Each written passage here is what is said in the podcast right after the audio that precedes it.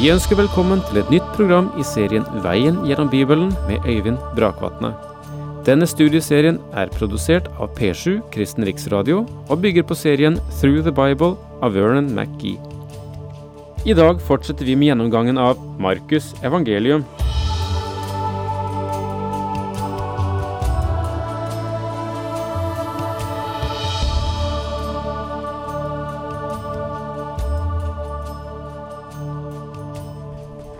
Jesus eh, tar eh, fariseerne fatt i det syvende kapittelet, eller åpningen av det syvende kapittelet her i Markus evangeliet.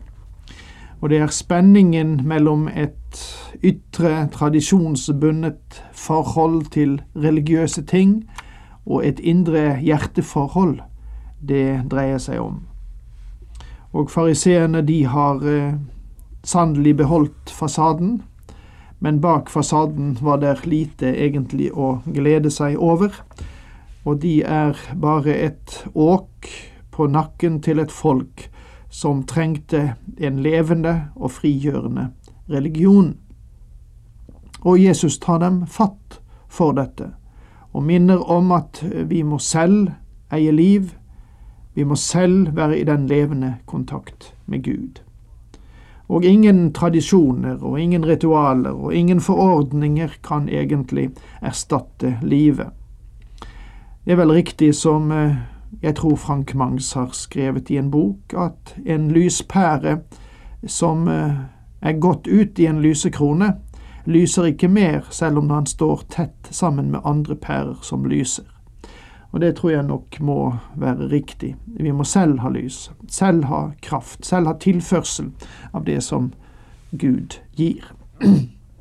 Mennesker kan bli engasjert i trosbekjennelser og bekjennelsesskrifter og offentlige gudstjenester, i klær og tusen og en andre ting.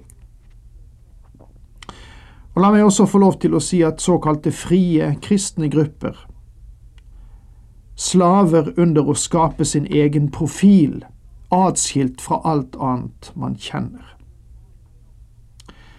Og det gråter i meg av og til når jeg møter en del frie grupper som jeg skulle ønske ville legge fra seg noe av sin frihet, fordi den er blitt bundethet for dem, så at de virkelig kunne være fri i Herren, og også kunne rekke hender ut til andre som de har støtt fra seg unødvendig.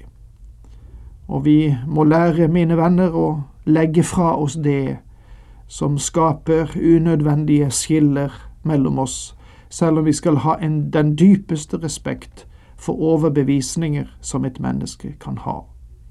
Men selv det frie kan bli en tradisjon, og ikke en direkte og personlig kontakt med den Herre Jesus Kristus. Og eh, vi har kanskje noen hver av og til vært på frie møter som har vært høyst bundet. Nå ja, slik kan vi bli noen hver av oss, og det er ikke for å verken si noe vondt om noen eller legge sten til byrden. Vi skal bare våke over at vi ikke står så fjernt fra den fariseiske tilstand som vi av og til tror. Og Nå går vi videre, og det står i Markusevangeliets syvende kapittel, vers syv, eller sju kanskje. De dyrker meg forgjeves, for det de lærer er menneskebud. Tilbedelsen blir tom når menneskebud erstatter Guds ord. Så nå kommer vi til selve kjernen i saken. Dere bryr dere ikke om Guds bud, og holde fast på forskrifter overtatt fra mennesker. Og han sa til dem, Ja, dere får det fint til. Opphever Guds bud, så dere kan følge egne forskrifter. Og dette var selve saken. Her er kjernepunktet. De satte menneskers tradisjoner i Guds ordets sted. En tradisjon kan faktisk både være god og bli til av den aller beste årsak men den blir det godes fiende når den blir en erstatning for Guds ord i senere generasjoner. Og det var det som hadde hendt med disse menneskene her. Og jeg tror at det er årsaken til at så mange kirkesamfunn har begitt seg ut mot grensen for det som Guds ord mener.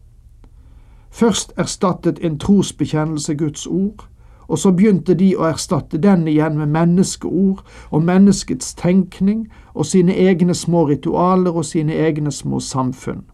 Før lang tid var gått, forsvant Guds ord ut vinduet. Dette har hendt igjen og igjen opp gjennom kirkehistorien. For Moses sa, du skal hedre din far og din mor, og den som bruker onde ord mot far eller mor skal dø. Men dere lærer, om en mann sier til sin far eller mor, det du skulle hatt av meg til hjelp, skal være en korban, det betyr en gave til tempelet. Nå ga han dem et eksempel på hva de holdt på med. Moses hadde sagt i loven at de skulle ære sin far og sin mor. Men deres tradisjoner tillot dem å smyge seg unna ansvaret for sine foreldre. Om en mann ikke ønsket å hjelpe sin far eller mor når de ble gamle og trengende, kunne han skjenke sine eiendeler til presten i tempelet, og det ble kalt korban, en gave.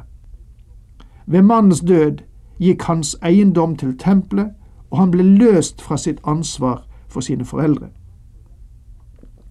Da forbyr dere ham å hjelpe far eller mor. Slik setter dere Guds ord ut av kraft av hensyn til de reglene dere har overtatt og gir videre og mye annet av samme slag gjør dere.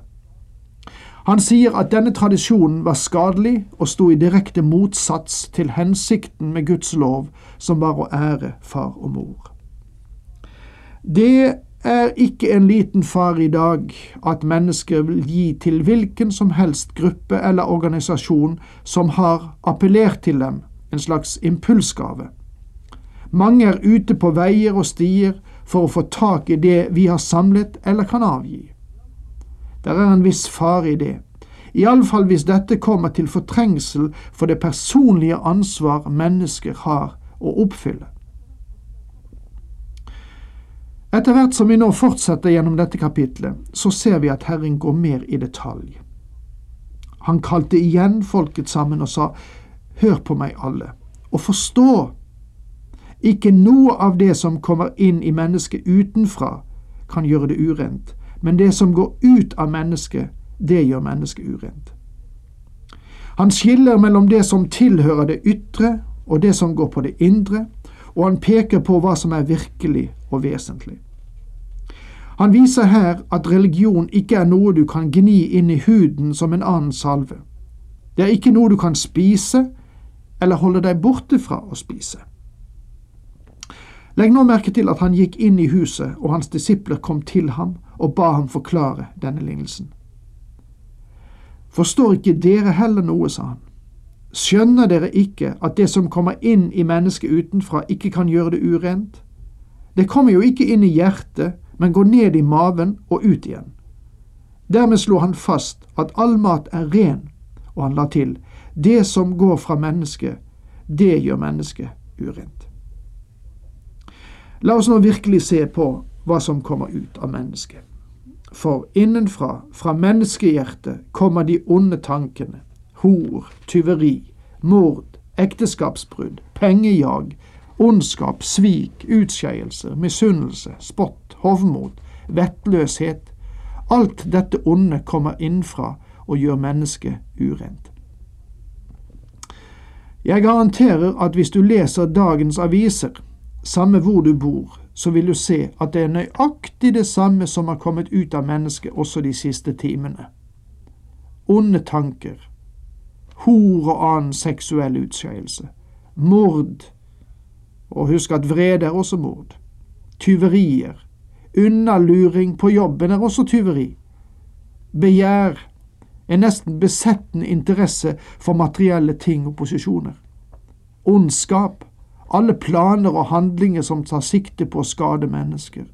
Eller tenk på svik, denne masken som mennesket setter opp. Liderlighet, en stadig appell til seksuell pirring. Ondt øye, ja, det er jo misunnelsens hovedpoeng. Blasfemi, spott mot Gud, eller mennesket som Guds skapning. Stolthet, Gud avskyr dette fremfor alt annet.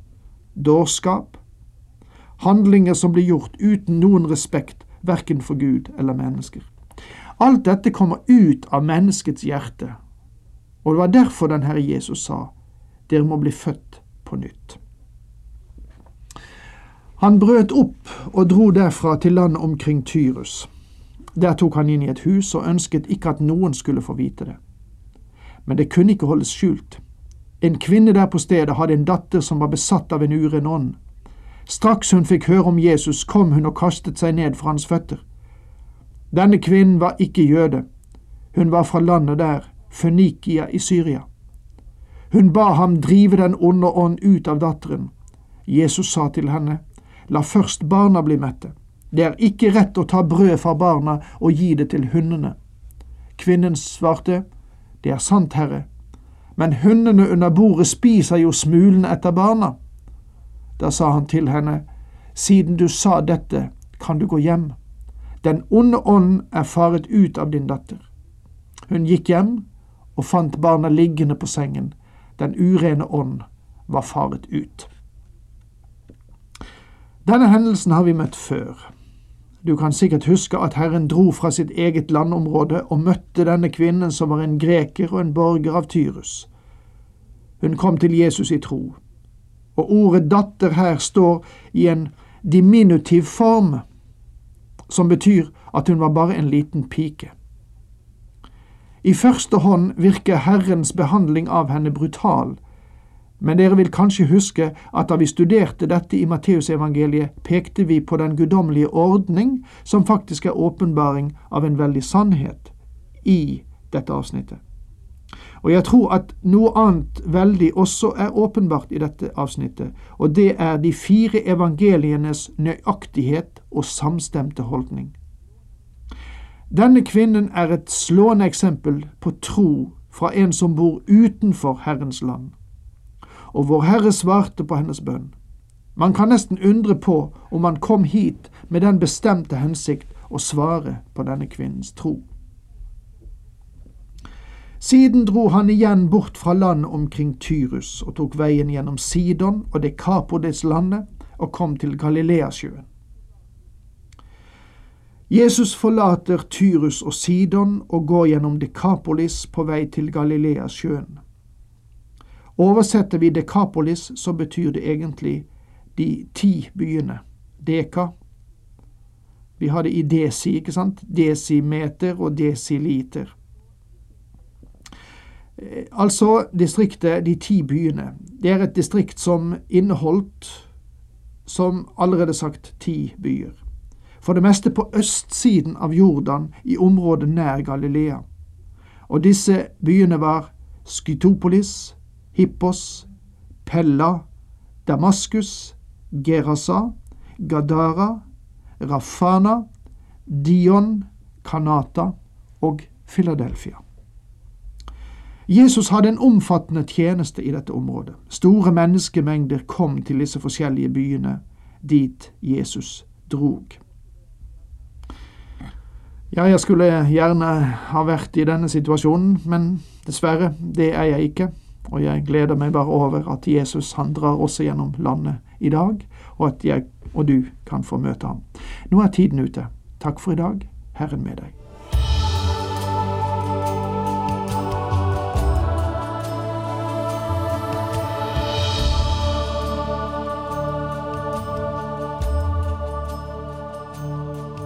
Du hørte Øyvind Brakvatne i studieserien Veien gjennom Bibelen. Serien bygger på et manus av Vern McGee.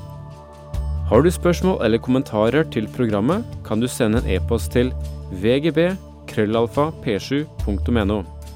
Takk for i dag, og på gjenhør.